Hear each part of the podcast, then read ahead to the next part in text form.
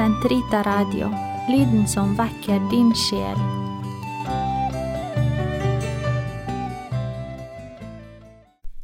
Karmels hage, episode 19 Det bedende mennesket Vær alltid glade, be uavbrutt, takk Gud under alle forhold, for dette er Guds vilje med dere i Kristus Jesus. Slukk ikke ånden, forakt ikke profetord, men prøv alt og hold fast på det gode. Hold dere borte fra ondskap av alle slag. Må Han, fredens Gud, hellige dere helt igjennom, og må deres ånd, sjel og kropp bli bevart uskadet, så dere ikke kan klandres for noe når vår Herre Jesus Kristus kommer. Trofast er Han som kaller dere til dette. Han skal også fullføre det. Første brev til tesalonikerne 5, 16–24 Det skulle av de foregående programmene nå ikke herske noen tvil om at kjernen i karmelittisk spiritualitet dreier seg om vår personlige relasjon med Gud, og at all veiledning har denne gudsforeningen som formål. Det skulle også være noenlunde klart at alle Karmels helliges liv og skrifter på en eller annen måte beskriver dette bønnens menneskets innsats og samarbeid for å oppnå denne gudsforeningen. Karmelhelgeners liv viser til kjennetegn og aspekter ved et menneske som ønsker å følge Karmels regel for å oppnå denne foreningen, til gavn for sjelene og Herrens kirke. Denne veiledning er ikke hentet fra en diffus, mystisk sky, men fra Guds ord, gjennom hans folks historie, Det gamle testamentets profetier og veiledning, slik det oppfylles og vitnes om av Kristus selv i den nye pakt. Således er det som Karmels mystikere formidler, fullkomment bibelsk. Det blir ordet som tar bolig i det bedende mennesket på en slik måte at mennesket selv omformes av ordet, blir ordet, omdannet i Gud. For at vi skal kunne forstå de bønneformer som preger bønnerytmen i Karmel, må vi se litt nærmere på noen aspekter ved dette bedende mennesket. Det er ikke noe poeng at et menneske lærer seg et kontemplativt bønnelyd, liv, om det ikke ønsker å bli omformet til et kontemplativt menneske. Det er ikke noe poeng å smake at Herren er god, om vi ikke ønsker å forvandles av denne næringen. Nettopp fordi Gud så sterkt betoner menneskets medvirkning og vilje når han skal gå omdannende til verks i en sjel, blir det så viktig å se på hva som kjennetegner denne grunnleggende holdningen til det bedende mennesket i Karmels uskodde orden. Fordi vår bønn alltid er så intimt knyttet opp mot kirken, som er Kristi legeme, inkluderer all bønn dypest sett også alltid vår neste, og aldeles ikke kun i åndelig forstand. Derfor ber Therese av Avila den som ønsker et dypere bønneliv, om å holde følgende helt klart for seg. Før jeg taler om det indre livet, det vil si om bønnen, må jeg si dere visse ting som er nødvendig for alle dem som trakter etter å vandre bønnens vei. Uten dem er det helt umulig å virkelig være kontemplativ. Det første er kjærligheten til hverandre. Det andre er frigjortheten fra alt det skapte. Og det siste er den sanne ydmykheten. Dette skriver hun i Fullkommenhetens vei, kapittel 4, 3–4. Ja, uten dette kan du ikke be. Her er hele det kristne livsprosjektet beskrevet. Det bedende menneskets livsholdning, som selvsagt er avhengig av og i kontinuerlig vekst gjennom nettopp bønn. Det kristne livet og bønnen kan ikke skyldes av, vi trenger sannelig hjelp her. La oss be sammen. Kom, Hellige Ånd, fyll dine troendes hjerter og tenn i dem din kjærlighetsild du som gjennom de mangfoldige tungemål samlet alle folkeslag til troens enhet. Send ut din ånd, og alt skal bli omskapt, og du fornyer jordens åsyn. La oss be. Gud, du har opplyst de troendes hjerter ved Den hellige ånd. Gi oss at vi ved din ånd kan glede oss over det som er rett, og alltid bli lykkelige ved Hans trøst, ved Kristus vår Herre. Amen. Det første og viktigste kravet til et kontemplativt menneske er å grunne på Herrens lov dag og natt, og be uavbrutt. Men hvordan i alle dager kan vi be uavbrutt? Det kan da ikke være mulig. Jeg kan vel ikke ligge på kne foran Herrens alter til enhver tid? I første omgang kan nok Karmels regel virke utopisk og fullstendig uoppnåelig for et vanlig menneske. Men regelen er ikke utopier, eller kun et ideal. Den beskriver et bønneliv slik det ble levet av de første munkene på Karmelberget. Det er mulig å leve i denne dype fortroligheten med Herren. Det ser vi av ordenens mange hellige, både dem som Herren, kirken har helligkåret, men også munker og nonner som lever i dag. Et slikt liv er også mulig, selvfølgelig med Guds hjelp for oss alle, for mennesker som lever i verden, men dog i en annen form. Det et slikt liv fordrer, er verken mer eller mindre det Herren selv ber oss om. Du skal elske Herren din Gud av hele ditt hjerte og av hele din sjel og av all din forstand. Dette er det største og første budet, men det andre er like stort. Du skal elske din neste som deg selv. På disse to budene hviler hele loven og profetene. Vi slutter ikke å strekke oss, selv om vi stadig faller, stadig feiler, i forhold til dette doble kjærlighetsbudet. Den hellige Alberts regel foreskriver denne kontinuerlige bønnen på følgende måte. Enhver må holde seg i sin celle eller nær den og være alene mens han grunner på Herrens lov dag og natt og våker i bønn, med mindre han er opptatt med andre rettmessige gjøremål. Dette er klar tale, for eremittene på Karmelberget befant cellen seg i små huler i Karmelberget hos nåtidens karmelittnonner og munker i rom bygget av menneskehender. For legfolk er cellen kanskje en krok i stuen, på gangen eller i soverommet, på loftet eller i kjelleren, i en imaginær celle i bilen eller på bussen på vei til jobb. For alle, vår viktigste celle bærer vi med oss hvor enn vi går, vårt hjerte. Her kan vi vende tilbake og være alene de stjålne øyeblikk vi får i dagens løp når vi går opp og ned trappene på arbeidsplassen, venter på heisen, bussen,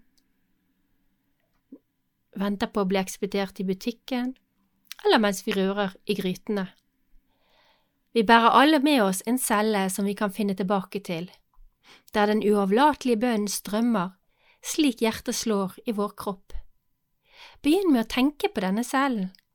Legg merke til om den er ren og klar og lengter etter samværet med Herren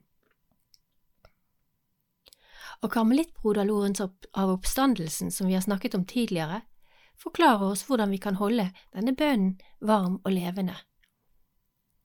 Når vi arbeider og er sysselsatt med andre ting, selv når vi leser eller skriver, om det så er om åndelige ting, og til og med under våre ytre andagsformer og muntlige bønner, skal vi ta øyeblikkspauser, og dette så ofte som vi kan, for å tilbe Gud i dypet av vårt hjerte og smake ham, selv om det bare er hastig, som om vi stjal oss til det.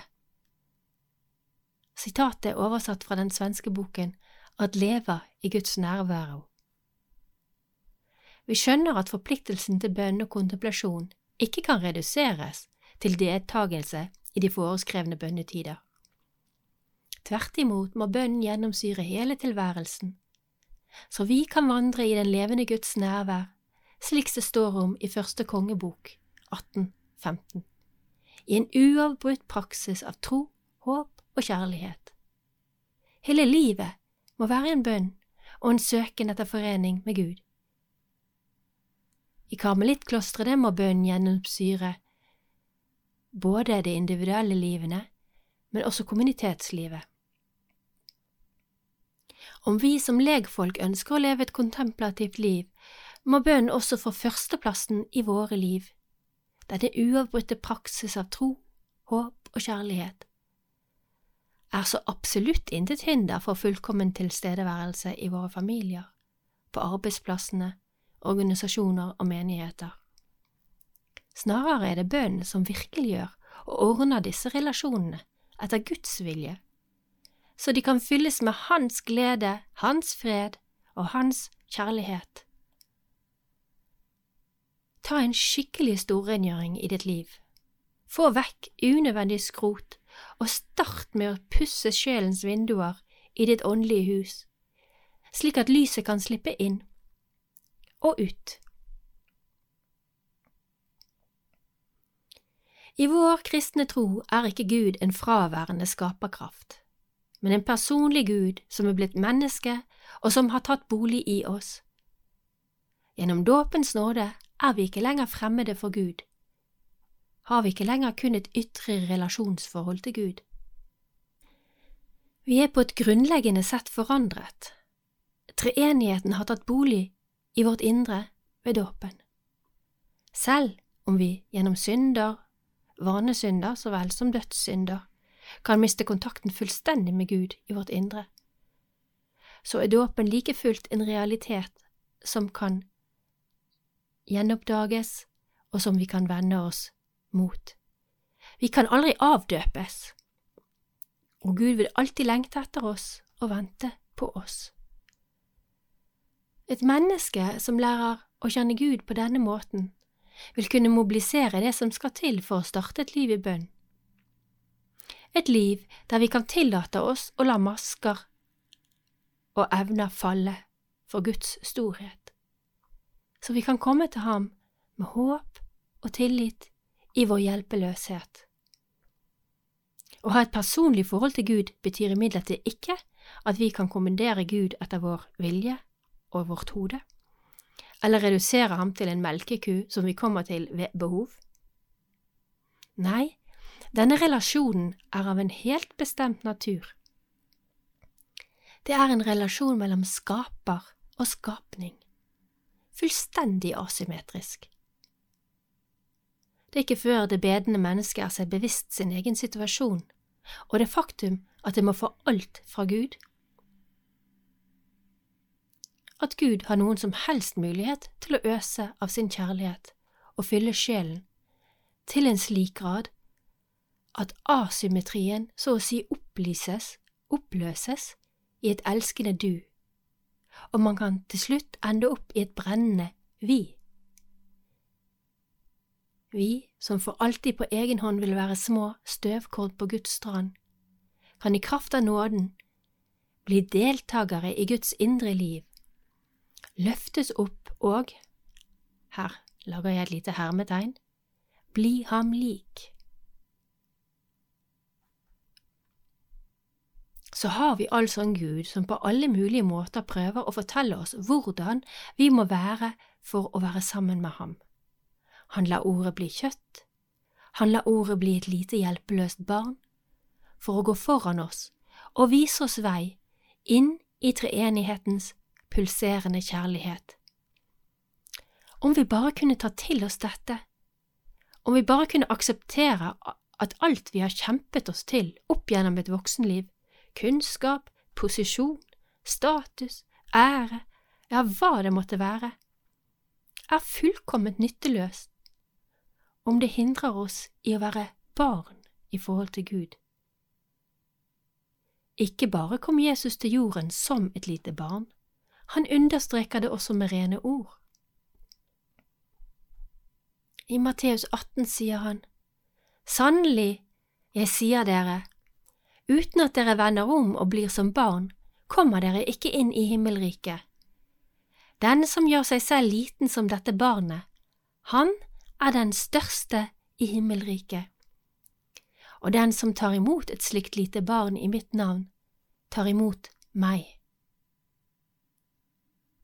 Å tro at man kan leve et kontemplativt liv uten å bøye seg for Jesu ord og eksempel, er simpelthen dårskap. Om du ennå ikke kjenner lengselen i hjertet etter å være som et hjelpeløst barn, la deg likevel utsettes for tanken. Øv på å se alle situasjoner der du mister noe, som en vei inn i barnekårene. Be Herren om å gi deg barnekår når du mister jobb, ansiennitet og helse. Hvor hardt det enn er, det som kan skje i et menneskeliv av tap, også det å miste noen vi har kjær, bærer også i seg en mulighet for Gud til å virke. Det er når vi er svakest og mest hjelpeløse at vi virkelig kan lære oss å overgi alt som skjer i Herrens kjærlighet, selv det meningsløse som lar oss stå ribbet tilbake. Vær usigelig nøye med ikke å forstå dette som en oppfordring til følelsesløs heroisme. Det fører ingensteds hen og blir kun en stor, svart vegg å stange hodet mot. Å øve seg i barnekårets ånd er verken hardt eller følelsesløst. Vi vet jo at barnets hjelpeløse gråt som regel utløser konkrete kjærlighetshandlinger hos elskende foreldre. Hold dette i minne. Tillat deg å være barn når du ber, uvitende, hjelpeløs, ja, til og med ordløs. Jeg tar i dette avsnittet om det bedende mennesket med et lengre sitat fra kardinal Anders Abrelius' beskrivelse av barnekår, som står i boken Den brennende pilen, som han skrev den gang han var karmelittmunk i klosteret i Nordaby i Sverige. For Faderens åsyn er mennesket alltid et barn. Å være barn, i bibelsk og karmelittisk mening, er først og fremst en teologisk sannhet. Mennesket er skapt til å være Guds barn. Enten det vet det eller ikke, er det Faderens barn. For det annet er dette også en antropologisk sannhet.